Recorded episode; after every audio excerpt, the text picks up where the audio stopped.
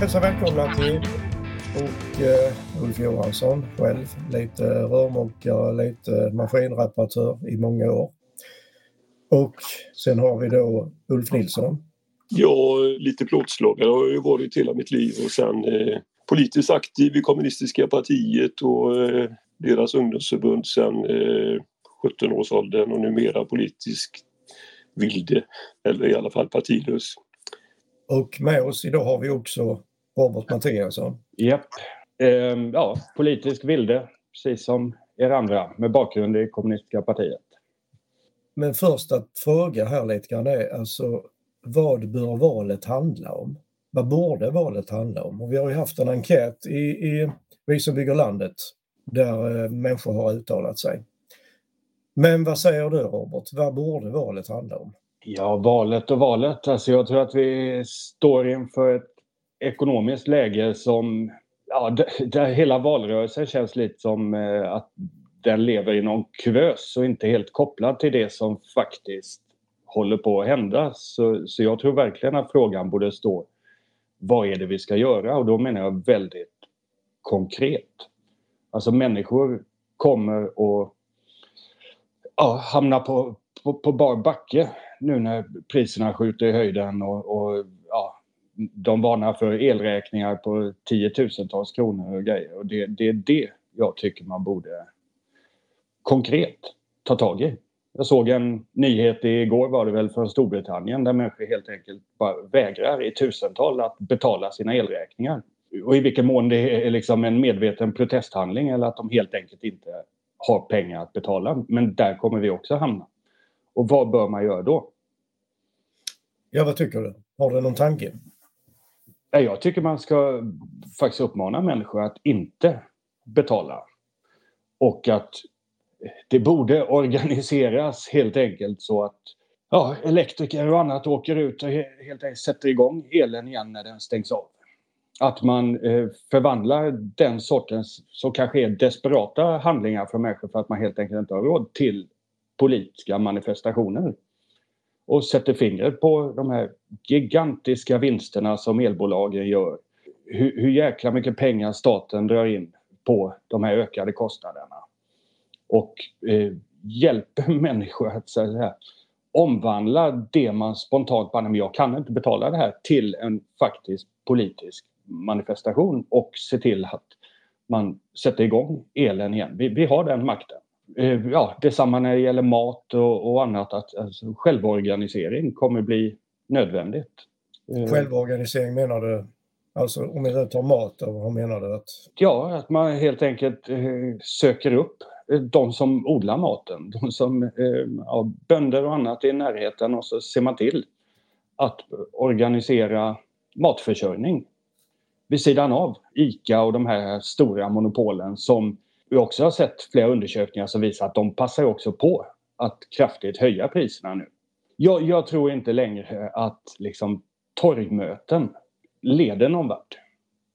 För att det vet politikerna att de kan bara skita i det. Och människor själva vet också att det gör ingen jävla skillnad om jag går dit eller inte. Och därför går man helt enkelt inte dit. Så att fortsätta och bara göra samma sak som ingen tror ska göra någon skillnad. Det är nog det bästa sättet att göra människor mer passiva och mer uppgivna. Och då måste man tänka i nya banor och, och hitta de här sätten som de facto gör skillnad för människor i deras liv. Det ligger väl mycket i det Robban säger även om jag betvivlar att det rent tekniskt är möjligt att sätta på strömmen enkelt i dagens fjärrstyrda mätare och sådana saker. Alltså. Vi har ju inte ens ledningar i luften längre som man kan koppla på en klämma utan de är nedgrävda. Så. Alltså. Så att, mm. eh, men eh, alltså det som händer i Storbritannien är ju organiserat av en organisation som heter eh, Don't Pay UK tror jag. Så att det finns ju en organisation bakom och det gör det naturligtvis enklare för privatpersoner att ansluta sig till någon form av enhet och det är väl kanske där någonstans man ska börja fundera. Då. Sen är det ju en debatt i, i valrörelsen trots allt. Alltså, Kristersson hade väl något igår där han talade om att, eller om det var i förrgår, att eh, det skulle vara någon form av högkostnadsskydd som i Norge att eh, allt över 70 kilo, öre kilowattimmen skulle staten bestå, om inte för, på allt så i alla fall för hälften. Så, va? så att, eh, även de fattar ju att det här kommer att bli en stor fråga. Va? Och, så, och hur det sen blir konkret i denna vinter, det, det vet vi inte riktigt än men det finns ju allt som tyder på att det kommer att bli eh, jävligt mycket värre än förra vintern. I diskussionen borde ju i alla fall finnas den här tanken om att nationalisera hela elförsörjningen så som det en gång var. En tanke på att det var både distribution och produktion eh, samhällsägd. Vad det hjälper konkret är ju en annan sak alltså men eh, jag är väl kvar där kanske ändå att man eh, vill ha någon typ av program och tanke som eh, visar att eh, samhället kan organiseras på ett annat sätt. Kanske vid sidan av konkreta och sådana rena gerillaaktioner som Robban pratar om. Alltså. Men alltihopa bygger ju liksom på en orättfärdig marknadisering utav elsystemet. Det är det som har gjort att vi idag har sådana problem för att själva produktionen har inte blivit dyrare i Sverige. Men lika fullt så är ju liksom priserna, eh, de löper ju amok liksom. På grund av detta liksom, EU-skiten och allt det där. Ja, att man har sålt ut våra tillgångar. För det är ju ändå vi som har varit med och byggt upp alla de här kraftverken. Det har ju gjorts med skattepengar och el, elkonsumenternas pengar. Och nu vill man köra strömmen ut i Europa istället för det är mer pengar i det. Så visst fan är det orättfärdigt. Men om jag nu som skulle stå på ruinens brant och inte ha råd att betala elräkningen och de stänger av den. Det är kanske inte det första kravet jag tänker på. Ja men nu måste det nationaliseras, nu måste vi ha torgmöte här och vi måste påverka politikerna att Nej, jag sa ju inte att vi skulle ha torgmöten i och för sig och vi är inte där än som du beskriver alltså. Alltså Storbritannien har ju haft problem med detta alltså i fem år kan man väl säga. 2018 frös ju 20 000 pensionärer ihjäl på grund av klimatåtgärder som gjorde att strömmen och gasen fanns så mycket dyrare i England. Liksom.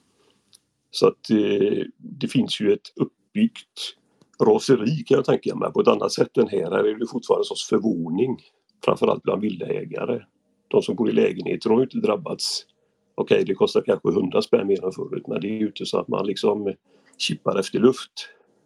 Men det är klart, om man är villa och plötsligt får betala 100 000 kronor om året istället för 20 så är det ju en jävla skillnad naturligtvis. Och de marginalerna har ju många inte såklart. Och där kommer vi förmodligen att hamna. Det är inte alls otroligt.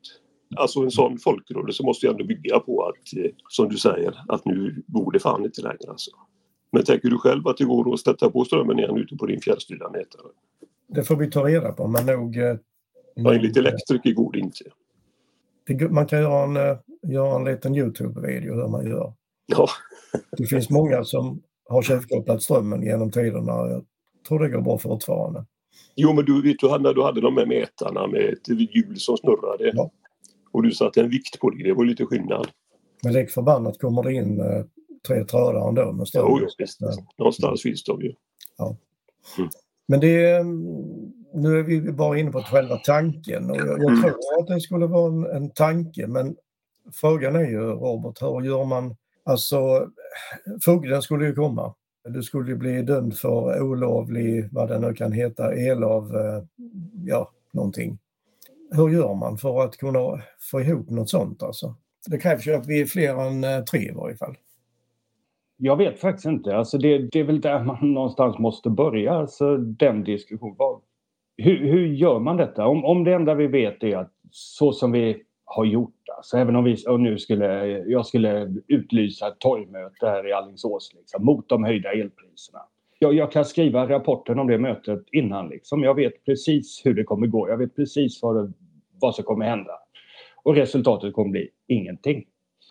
Och ja, det finns ju något både positivt och negativt med Svenne Banan och det är ju liksom vår tilltro till systemet och att vi ja, man vill gärna vara laglig och, och, man vill hålla sig till, till reglerna och sådär. Men, men vi börjar ändå komma i ett läge där man måste våga ifrågasätta det. Det är ett orättfärdigt system och människor känner det in på bara kroppen. Och det här högkostnadsskydd och, och annat sådär, visst. Alltså, jag är nästan för vad som helst som gör att människor inte hamnar på, på backen i det här läget. Men det är ändå jävligt osmakligt med tanke på de gigantiska övervinster som elbolagen gör. Att vi ska då med skattemedel fortsätta betala mellanskillnaden då så att de kan fortsätta göra de här höga vinsterna och fortsätta vara anpassade till det här marknadiserade EU-systemet och allting. Så att, alltså jag håller ju med Ubbe där att, att det, det, är klart att det inte står i motsättning till eh, att alltså föra fram tankar om att svensk el ska gå till svenska folket och, och bryta med hela den här eh, e EU-ordningen och allting. Men jag tror inte liksom det är programmet som är det som saknas. Jag vet inte vilka mått och steg man ska ta. Ja, visst, jag tror ju att en, en sida är just det här att visa på att när man läser eh, politikernas eh, utsagor så försöker de ju skylla på att eh, kärnkraften är nedlagd, det är därför vi har elbrist. Vi har för lite kraftledningar, det är därför det är elbrist. Det är allt möjligt. Men ingen vill ju ta upp detta att nej men vänta, egentligen är det för att kraftbolagen vill göra så stora vinster genom att exportera elen söderut. Mm. Så det kravet borde ju vara lite som du sa, jag eh, kommer inte ihåg riktigt hur du uttryckte det, men det här att svensk el till svenska folket. Mm. Typ. Det är ju den ena sidan. Sen, sen den, hur man då ska lyckas, jag menar bensinupproret, de har ju försökt, de har kanske 500 000 eh, följare, de har försökt ordna demonstrationer mot de här höga eh, bensinpriserna utan att få något större gehör alltså för det. Så att det krävs något annat. Nej, det vet fan inte jag heller riktigt. Alltså det är ju... Eh, för visst har Robban rätt att eh, precis som han säger det här eh, mötet skulle man kunna skriva rapporten om i förväg så och det är väl kanske inte torgmöte jag tänker på i första hand när jag funderar på hur man skulle kunna formulera någon sorts en tankegång om hur det skulle kunna vara på ett bättre sätt liksom. Det, det är ju ändå så att eh, folks minne är ju jävligt kort liksom. Och eh, säger någon tillräckligt många gånger att det beror på Putin så tror ju till slut ganska många på det. Så. Att eh, strömmen har avreglerats, privatiserats och att majoriteten utav eh, vindkraftverken ägs av kineserna och sådär. Liksom det, ja, det är saker som inte är allmänt känt och det är förmodligen inte speciellt intressant heller för de flesta. Så, så den är eh, politiska debatten som eh, man själv har varit en del av där man har eh, försökt att förklara världen för sig själv mer än att förändra den. Liksom den det har satt djupa spår hos mig alltså. Jag, är, jag har svårt att se några vägar ut ur den där jävla skiten alltså ärligt talat. Och, eh, troligtvis är det väl så att det hela måste börja från början igen alltså som eh, när eh, fackföreningsrörelsen växte fram en gång i tiden som ett svar mot eh, reella problem alltså så får väl detta också börja om på den vänster alltså. Om det nu handlar om el eller om det handlar om mat eller vad det än är alltså så, så är det ju ändå så att eh, folkets egen reaktion på saker och ting måste ju ändå vara det som till slut också ställer svaret på frågan vad vi ska göra liksom. Vi kan ju spekulera och vi kan ju hoppas att det kan gå på det ena eller andra sättet men till syvende och sist är det ju ändå eh, det som händer ute i verkligheten som avgör hur det blir. Och visst, vi kan väl kanske erbjuda oss någonstans att vi kan koppla på strömmen om det nu är tekniskt möjligt. Så, va? Men precis som du säger Uffe, så blir det ju, man hänger ju ut den här privatpersonen. Det är ju han som får det. Det, får, det måste ju finnas någon typ utav svarta handen som skyddar den här personen i så fall. Alltså. alltså de som skyddade folk som vräktes, de kallades ju svarta handen en gång i tiden. Det var ju en organisation.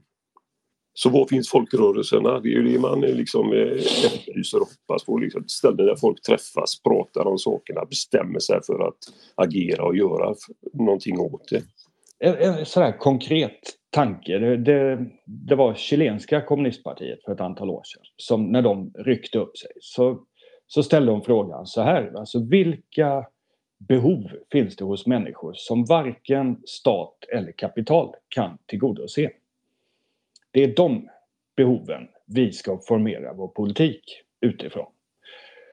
Och i, i Chile, precis som i Sverige, så finns det då eh, kommunala skolor i snart sagt varenda område. Så det finns eh, lokaler som vi ändå som medborgare betalar för och som inte används på kvällstid och, och annat. Så, som sa, de lokalerna ska bli Folkets hus. Och det är därifrån vi ska eh, organisera de här, eh, att ja, fylla de här behoven. som eh, varken stat eller eh, näringsliv kan eh, tillgodose. Och så påbörjar de ett successivt sånt arbete. Jag har inte följt det de senaste åren hur det har gått eller sådär men jag tycker det var jävligt kloka tankar om det hela. Liksom. Alltså man leker med tanken där att man, man utgår från de här kommunala skolorna och där finns en aula, där kan man samla människor. Nu går vi mot en vinter där det eh, hotar ja, skyhöga elpriser, människor hotas med vräkning, människor eh, kommer kunna ställas inför domstol ifall de inte kan betala för sig. Vi vet inte hur det kommer gå med, med matbristen. Det enda vi ser är att de här globalistiska distributionskedjorna bara rasar samman ett efter ett. Liksom. Kan man där liksom på något sätt samla människor till en konkret, hur, hur gör vi? Vilka finns det här som är beredda att, att faktiskt engagera sig i det här? Vad, vad kan vi göra? Och, och, det kanske är skitsvårt att få människor att komma dit. Men den sortens liksom självorganisering utifrån de här hoten mot reella mänskliga behov som vi ser framför oss. Och jag, jag vet inte hur vintern kommer vara men, men i, i, Tyskland till exempel så har man ju öppnat upp offentliga eller man har planer för att öppna upp offentliga idrottsanläggningar och annat för att tyskar som kommer ja, frysa helt enkelt ska kunna gå dit och värma upp sig. Så att det finns sådana tankar om hur man använder de offentliga lokalerna. Men då, då, skulle jag ju hellre se att man inte bara använder dem som någon passiv uppvärmningslokal utan som en de facto mötesplats för hur vi ska förhindra att människor måste söka sig till idrottslokaler för att inte frysa igen.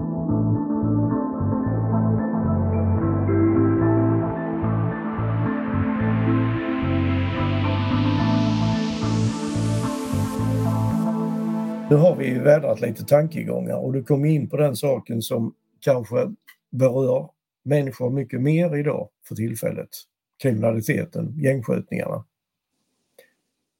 Hur eh, ser du på det Robert? Hur jag ser på kriminalitet? Ja, ja.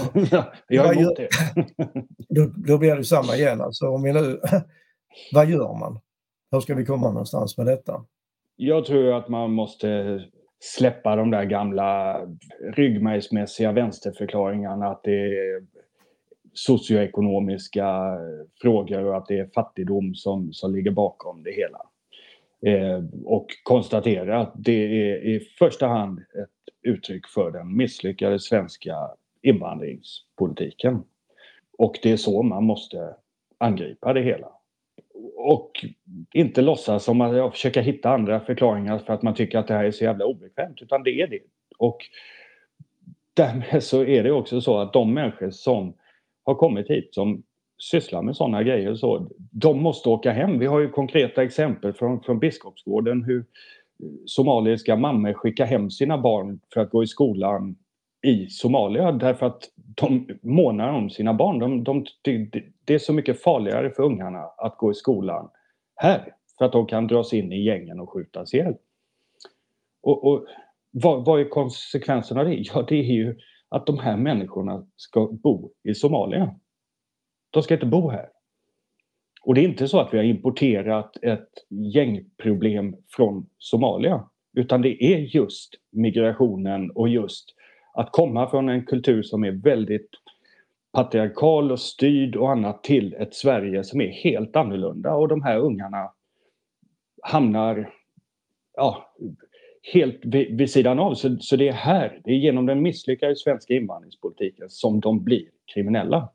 Och mm. eh, jag tror att kräva en massiv återvandring är, är ett grundkrav. Och inte liksom hålla på som hela Folkpartiet. Då ska man förstatliga unga som inte har lärt sig svenska, som är två år gamla. Liksom. Det, det kräver Liberalerna. Det är ju helt absurt. Liksom. Samtidigt som man ska fortsätta ta hit ännu mer människor som spär på de här problemen. Det är helt galet där är ju den eh, interkulturella människan vi ser framför oss som skåpa som har inga rötter någonstans liksom. Och som ett resultat utav att man, eh, man har haft en politik för invandring men inte en politik för hur invandrarna liksom ska kunna eh, integreras eller bli en del av det svenska samhället. Utan bara någon jävla låt gå-anda sådär va. Sen alltså jag är ju Jag tror i och för sig på sätt och vis att det skulle vara rätt för både Sverige och många av de invandrarna som är här att eh, ja, inte vara kvar här. Men hur det ska lösas rent praktiskt, jag tänker gärna så liksom, hur fan ska man eh, lösa detta utan att det blir krig? Hur många gör det frivilligt? Ska man eh, ha det som typ en avvisning av tusentals människor liksom som gör allt för att undvika och drabbas utav det liksom. Det, det kräver ju våld och massiva polisiära insatser för att eh, fånga in och skicka iväg människor liksom. Hur skulle det kunna fungera så? Ibland vill jag liksom tänka att eh, okej, okay, nu har vi den här situationen. Om vi säger att detta är år noll, så här ser det ut liksom. Vi har eh, ett land som inte längre är etniskt homogent utan oerhört splittrat på alla sätt och vis liksom. Finns det någon lösning om man nu liksom drar, alltså stänger gränsen, och säger nu har vi detta. Som om det var liksom en ja, behållare med människor i liksom. Vad kan vi göra med det här? Och, eh, för, alltså, Sverige är ju idag ungefär som Storbritannien eller Frankrike har varit under längre tid. Liksom, ett land med, med den skillnaden kanske att Frankrike har ju någon sorts nationalkänsla. Här har man ju inte ens liksom velat säga att det finns en sådan känsla. Men eh, lika fullt så har de ju oerhörda liknande problem och eh, ja, Sverige har ju hamnat i samma situation, ett invandrarland av andra, bland andra, som USA eller vad fan som helst. Liksom. Kan man ur detta liksom vaska fram någon sorts gemensam känsla och anda där man samlas runt konkreta frågor som, är, ja, som, som ändå får det fungera på något vis alltså. Och som gör att vissa helt enkelt inte vill vara här längre, drar, flyr. För att eh, det blir på ett annat sätt. Arbetsplikt, eh, hårdare tag mot vissa saker liksom, samtidigt kanske eh, också en idé om att eh, fördela resurserna i samhället på ett rättvisare sätt. Alltså eh, hårdare progressiv beskattning, arvsskatt, förmögenhetsskatt, alla de här sakerna som försvunnit så att den gemensamma finansieringen ändå finns för saker och ting. Så saker som både vi och de som nu vill kunna bli en del av landet skulle kunna tycka att det här är bra. Liksom. Finns det en sån idé någonstans? Jag vet inte. För samtidigt så eh, visst kunde man bara backa bandet och göra på ett annat sätt från början så hade det ju varit allra bästa naturligtvis men jag tvivlar ju på att det är möjligt. Jag tänker att det, jag tänker nog att vår uppgift ett måste vara att slå en bro mellan invandrade och alla oss andra arbetare. Därför att eh, en sån tanke med återvandring tror jag skulle få många invandrare att känna sig väldigt osäkra, att de inte är välkomna här. Att man skulle slå en kil mellan oss som har levt här hela livet och de som inte har gjort det. Och det tror jag har varit galet. Jag menar när, när vi pratar om detta att det kommer hit, låt oss säga vad det nu är, 100 000 eller vad det är, varje år. Så nämner man ju ingenting om hela den stora massinvandringen som sker från Polen, Litauen och så vidare med arbetskraft. Och Ukraina, Uzbekistan, ni vet ju han, vad heter han? Drottninggatans bombaren. Så jag tänker det, det måste väl vara där man skulle börja med att säga att nej men de som bor i Sverige ska ha jobben som är här. Och om det är så att det inte passar dig att eh, jobba så får du inga pengar heller utan då får du återvända hem. Vi kan inte försörja människor. Här finns jobb. Men idag kan vi inte säga att det finns jobb. När en arbetsgivare hellre tar in en usbek för 10 spänn i timmen eller vad de får. Och det är där jag tänker är, är där finns en politisk sprängkraft i detta för alla människor tycker ju att men är du nu här i Sverige så ska du göra rätt för dig. Vi kan inte, vi kan inte försörja dig. Och då har man också möjlighet att komma in i samhället. Så jag är tveksam till den idén med, med vad ska man säga, en allmän återvandring. Jag, jag, jag har aldrig pratat om en allmän återvandring, att bara för att du inte är etniskt svensk så står du på någon lista över att du ska återvandra fast du kanske då är först prioritet nummer fem eller någonting. Utan jag pratar konkret om, alltså 100 000 det är ju så många uppehållstillstånd vi bara hittills i år har delat ut. Fortsätter detta så kommer vi slå siffran från 2015. Eh, så att det, det bara fortsätter liksom. Utan jag, jag, jag tror att ett grundfel i den svenska invandringspolitiken är just begreppet invandrare där man pratar om alltså, någon, någon form av kollektiv vars enda sak som förenar det hela är att man inte är etnisk svensk. Det, det, det är helt knäppt liksom. Eh, utan konkret pratar vi om alla de här människorna som de facto visar i sina livsval att de inte vill vara en del av Sverige. De har aldrig haft en tanke på att vara en del av Sverige. De har flyttat hit därför att det finns en väldigt stor grupp av sina forna landsmän här. Och det är där man vill leva, det är där man vill...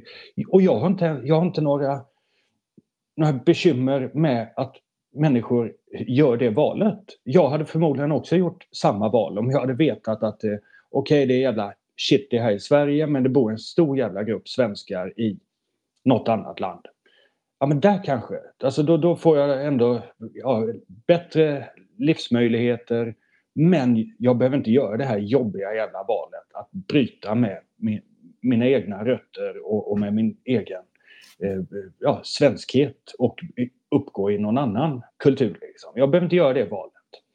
Jag kan få allt det bra men jag slipper göra, göra allt det dåliga. Det är inget konstigt. Jag tror att det är så människor överlag funkar. Men samhällen funkar inte så.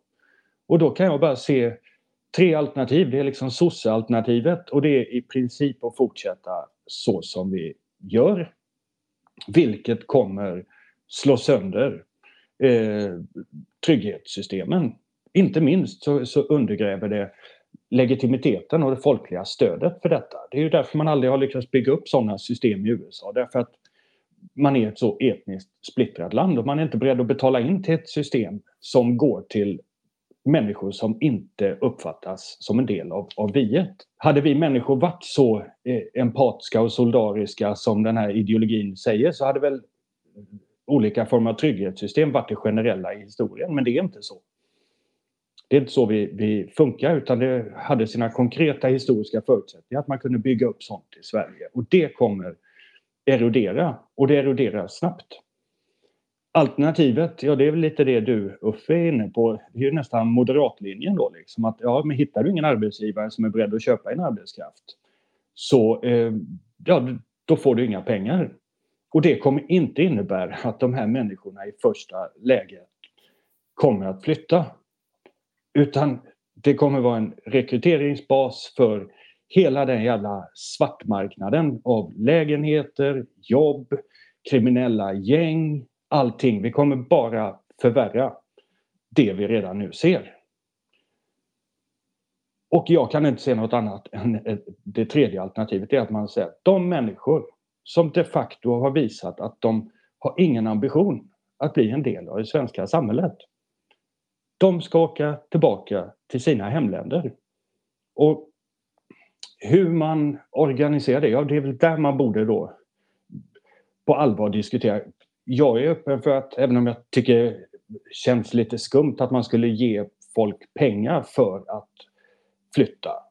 Eh, jag hade inte förväntat mig att somaliska staten skulle betala mig för att jag ska flytta tillbaka till Sverige om jag nu har bosatt mig i Somalia. Men problemen är så stora att jag är öppen för de smidigaste praktiska lösningarna för att undvika just det Ubbe pratar om. Att, att fortsätter detta så kommer det eskalera till etniska inbördeskrig. Vilket vi har börjat se i, i, i många andra länder. Ehm, och I Frankrike såg vi eh, öppna liksom gatustrider mellan olika eh, gäng, var nu var tjetjener och, och vilket det andra gänget nu var. Så att det, det, det är inte alls säkert att de etniska inbördeskrigen kommer stå mellan etniska svenskar och eh, ja, någon annan grupp. Utan det, det, de värsta motsättningarna, största jävla fientligheterna finns ju inom det här som vi då försöker knö ihop som en enda grupp invandrare, vilket är en bullshit-grej. Så visst, det du säger Ubbe, liksom att man, man skulle kunna önska att på sikt så skulle det kunna byggas upp något så här. Dels har vi inte sett några tendenser till det. Um, och dels så tror jag att läget är så akut att, att gå och hoppas på att något sånt ska kunna uppstå. Jag tror, ja, nu, nu har vi fått partiet Nyans, Eh, en väldigt logisk eh, följd av den här politiken. Vi kommer se tilltagande etnisk organisering. Ehm, och samtidigt då hejdlös opportunism ifrån ja, olika politiska partier som vill framstå som att man hanterar problemen men man vill inte behöva säga att, att det är en återvandring man är för. Ta bara det här med folkräkning. Man säger att det är helt sjukt att vi har inte koll på hur många människor som bor i Sverige. Och så går de ut och säger att vi ska göra en folkräkning. Och jag är absolut för det. Men vad gör man då? Hur, hur, genomför man en sån? Och vad gör man med de här kanske hundratusen människorna eller är det ännu fler? Det vet vi inte. Som det kommer visa sig att men de här har inte rätt att vara här i Sverige. Hur gör man? Ja, det vill de ju aldrig svara på utan då, då ska man bara komma med olika utspel som ska få en att framstå som handlingskraftig. Men, men de är inte handlingskraftiga. Mm. Men det är väl ett, ändå ett relativt enkelt svar varför de inte vill utvisa dem. Eh, låt oss säga han den här Ös Nöjen som eh, renoverade sitt sommarhus på Gotland med hjälp av Akilov. Mm. Det var billigt och bra ju. Han hade en materiell fördel. Eliten har en materiell fördel av att ha jävligt billig arbetskraft som man kan ha precis när man behöver det. Och resten så får de eh, leva som eh, tio stycken i, i en trea. Så jag tänker ändå fortfarande att jag tycker det är jag tycker det är ett alldeles utmärkt förslag med, med en folkräkning och det kommunala bostadsbolaget här har ju velat göra någonting sånt alltså. Men hindras av eh, lagstiftning, säger de. Men, men, då kan, kan, du inte svara då, alltså, om, om man gör en sån i, i Kristianstad då, och så visar det sig att man har, vet jag, 5000 människor som man upptäcker som inte har rätt att vara i Sverige. Hur, hur hanterar Kristianstad kommun dessa 5000 människor? Med förhoppningsvis eh, antingen att de frivilligt eller med hjälp av polisen eh, förflyttas till Öresundsbron eller var man nu ska flytta hem dem. 5 000 människor ska de man... Rätt, de har inte rätt att vara här. Det är ju ganska enkelt. Nej, alltså vi, nu är det ju hypotetiskt, jag har ingen aning om hur det ser ut i Kristianstad. Men, men, men att, att organisera en kollektiv fördrivning av 5000 människor. Det är liksom någonting vi inte har sett i Sverige på, eh, jag vet inte när liksom. Och jag, jag kan lova att den Kristianstadpolisen inte har en organisation som gör det möjligt att kollektivt fördriva 5000 människor varav ganska många inte skulle vilja. Jag har ju inget annat svar på det än eh, att det är en sak som måste göras. Eller hur? Om vi har 800 000 samordningsnummer i Sverige som är utdelade till människor som är här illegalt och jobbar ibland, lånar identifikation och så vidare. De måste ju de måste lämna landet och de som bor i de utsatta områden ska ha de jobben oavsett om man vill eller ej. För jag tycker lite grann att den erfarenheten vi har haft här från Kristianstad när vi har drivit de frågorna mot skjutningarna så är det just att den stora majoriteten vill ha lugn och ro. De vill att deras barn ska ha en trygg skola, kunna gå upp till fotbollsträning utan att vara oroliga. Men hindras av det här eh, 50-100 stycken eh, kriminella knarkgänget. Men det är ju inte som regel folk som inte har rätt att vara här. Det är ju ganska ofta människor som till och med är födda här. Jag menar bara att om man tar upp kriminaliteten och säger det är det som liksom verkligen ah, brinner i den frågan och sen så bör man ta upp då att därför ska vi ha en folkräkning och de människor som inte har rätt att vara ja, men då blandar man äpplen och päron. De som man då skulle komma åt via en folkräkning och eh, vi ponerar då 5000 människor i Kristianstad. Det är inte de som utgör gängen. Utan då är man tillbaka i att man pratar om invandrare som en enhetlig grupp. Och sen så försöker man eh, komma med lite symboliska krafttagsgrejer som egentligen inte tar upp själva det problemet som man vill ha. Och även om du skulle fixa en massa jobb eh, och säga kolla här, det finns jobb. De här gangstrarna, de vill inte ha de jobben. Jag jobbade på, på Volvo ihop med en kusin till en av de här gangsterledarna i Göteborg. Han var den enda i det gänget som han växte upp som tog det steget till att börja jobba på Volvo. Han sa det var, det var skit att behöva gå upp klockan fem på morgonen, jobba mycket längre än alla andra och tjäna mycket mindre pengar än alla andra. När de bara levde flådigt liksom med, med hur mycket pengar som helst. Det finns inga som är så arbetarfientliga som de här gangstrarna. De, de ser ner på människor som jobbar och, och sliter. Många människor säger att eh, vänstern, alltså det är 68 vänstern som har eh, gjort det här med lagarna med brott och straff och sånt. Och det ligger ju verkligen sin riktighet. Alltså om ni tänker på den här filmen eh, Släpp fångarna loss, Tage Danielsson och Hasse Alfredson. Det var ju ett annat Sverige, en annan tid det som har hänt är ju att straff, lagar har urvattnats. Och det är väl där vi kan se att de här gängkriminella idag kan bara sträcka upp fingret, ta eh, vilken jävla stjärnadvokat som helst och sen blir de frikända. För att ingen vågar vittna mot dem. Eh, alltså jag tänker på det som Robban, jag, nu har ju, jag har lyssnat och det har varit intressant.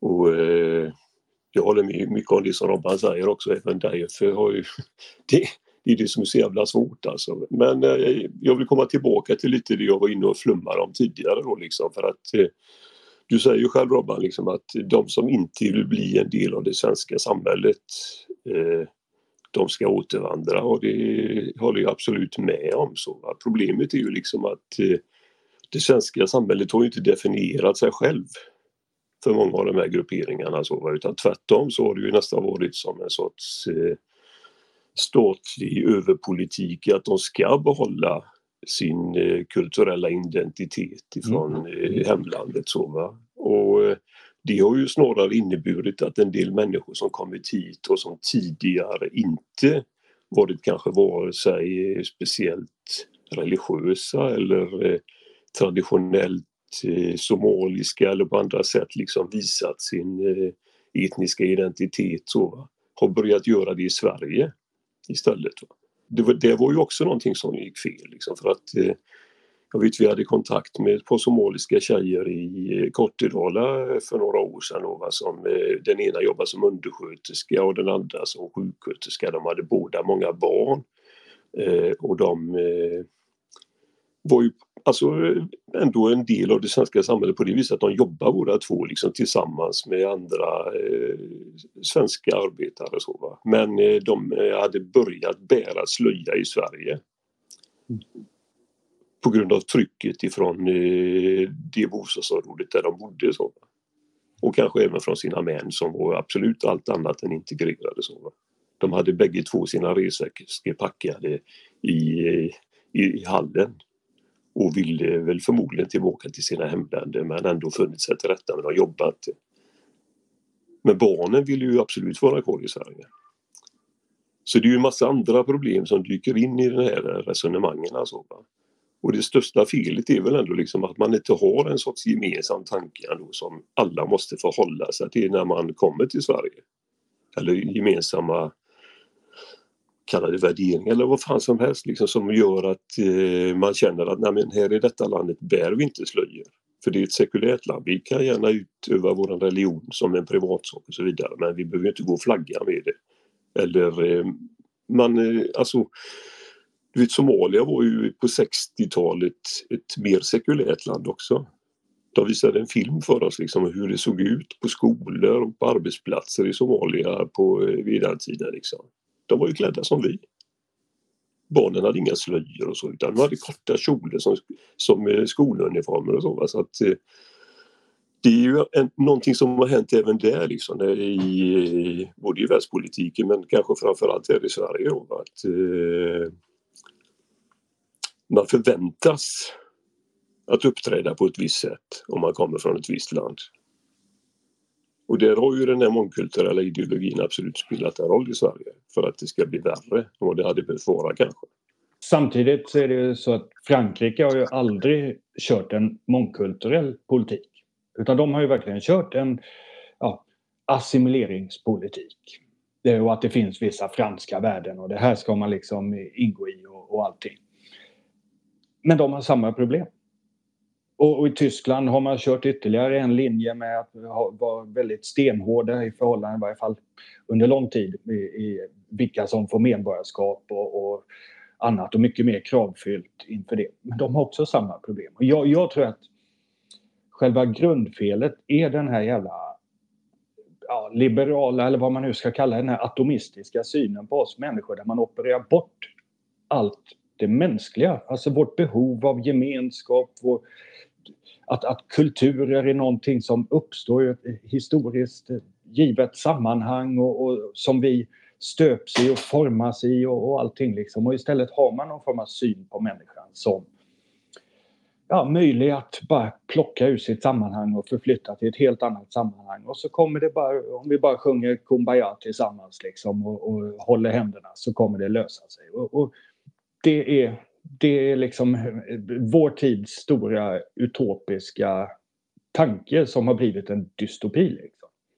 Alltså jag håller ju med dig att, att, att vi behöver ett, eh, ett så nationellt projekt och, och, som jag menar vi måste fylla med ett, ett socialt innehåll, alltså som ja, folkhemsbygget var liksom och som där det är vanliga svenskar som ska bestämma och styra i vårt eget land. Liksom.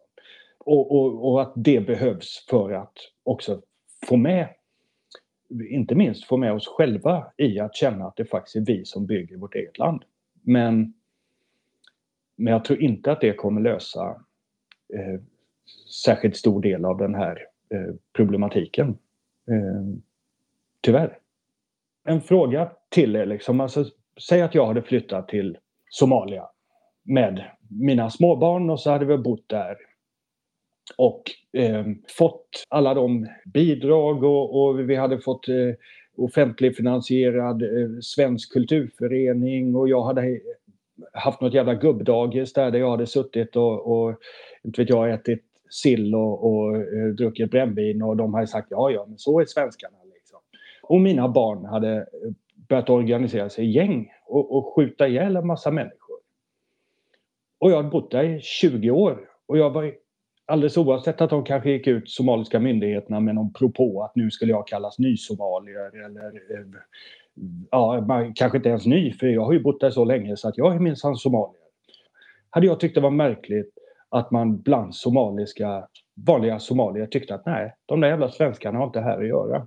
Om de vill leva som i Sverige, om de vill bete sig som i Sverige och om de inte har koll på sina ungar utan ungarna springer runt och håller på att skjuta ihjäl. Då får svenskarna åka hem till Sverige. De har inte här att göra. Jag hade inte tyckt det var konstigt whatsoever. Och varför har vi så himla svårt att säga att någonting som vi åt ena hållet tycker skulle vara, vara rätt och förnuftigt och vi skulle ha full förståelse för det. Men åt andra hållet så nej, nej, nej, nej, nej. Jag hade skrattat åt somaliska myndigheter om de gick ut med en propå att börja kalla mig för nysomalier. Jag hade ju inte varit nysomalier. Jag hade fortfarande varit svensk. Mm. Men eh, låt oss säga att du där i Somalia, du jobbar och gör rätt för dig precis som alla andra som är somalier. Mm. Ja, då skulle du väl ha rätt att stanna där. Du, du, har, du har en misslyckad unge som du hoppas att de somaliska myndigheterna ser till att äh, antingen eh, föra i skydd för, från alla oss andra genom att sätta i fängelse. Eller får du lösa det själv genom, precis som du sa innan, genom att skicka dem hem till Sverige. Där vi ska behöva ta hand om killen. Men om du är en del av samhället i Somalia, fan jag kan inte se varför jag ska eh, skicka hem dig heller. Nej, då har jag nog varit den första att tycka att man skulle skicka hem de andra svenskarna för de drar mig i smutsen, de förhindrar hela eh, min anpassning. Jag har ändå gjort det här valet. Jag vill försöka bli en del av det somaliska samhället på det sätt som går. Liksom. Eh, sen, sen, tycker jag bara det är då liksom lite synd att, ja, det är uppenbart här i diskussionen också, att det ni hör, eller i varje fall du Uffe hör, är att jag säger att alla människor med invandrarbakgrund bör skickas hem. Det har jag aldrig sagt. Jag har aldrig någonsin hävdat det. Det, det är bara jag försöker visa på att det är så många invandrare jag möter som hör mer än vad du säger eller vad vi säger. Alltså de känner sig utpekade. Och det är det jag menar är svårigheten, att, att liksom väga orden så, så att man verkligen skiljer på de som är kriminella och de som inte, har, inte vill vara en del i Sverige och de andra som vill vara en del i Sverige. Nu har inte diplomati varit min starka sida så att jag, jag fortsätter köra på raka puckar. Sen får man... Det är nog rätt oss alltså. Det, det, men ska vi säga som så att vi tar en kopp kaffe nu och så eh, återkommer vi.